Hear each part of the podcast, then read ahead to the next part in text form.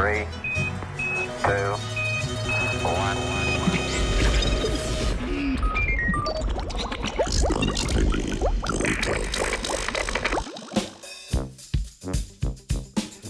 Dobro jutro. Tokrat o zvezdah na levem pasu vesoljske večplas, večpasovnice. Raziskovalna ekipa z Leidenskega observatorija Univerze v Leidnu je s proučevanjem podatkov druge izdaje rezultatov meritev misije Evropske vesoljske agencije Gaja uspela zabeležiti več zvezd, ki se z velikimi hitrostmi približujejo rimski cesti.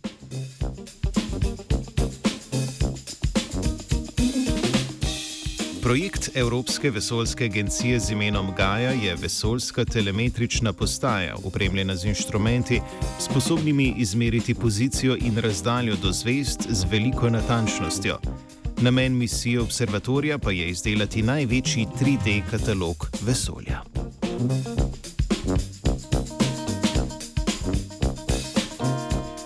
Do sedaj je Gaja locirala že več milijonov zvest, ekipi raziskovalcev iz Leidna pa je s pomočjo teh meritev uspelo skonstruirati položaje in njihove vektorje hitrosti za več kot 7 milijonov zvest. Primarni namen raziskovanja Leidenske raziskovalne ekipe je bil locirati zvezde, ki zapuščajo rimsko cesto. Na njihovo presenečenje pa so odkrite zvezde drvele proti središču rimske ceste.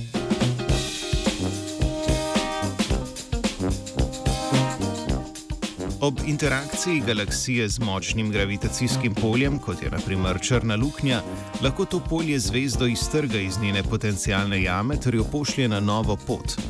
Take zvezde imajo lahko zelo velike hitrosti, v našem primeru vse tja do 700 km/s, ter smeri, ki niso odvisne od njihovega prejšnjega gibanja.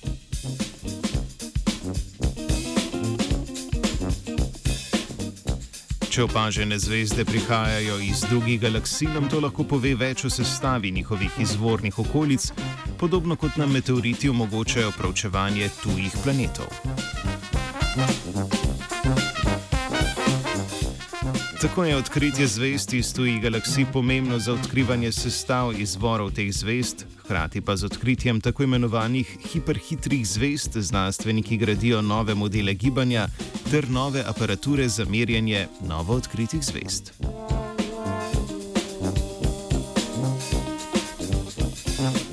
V znanstvenem Britofu je bil z vami Najc.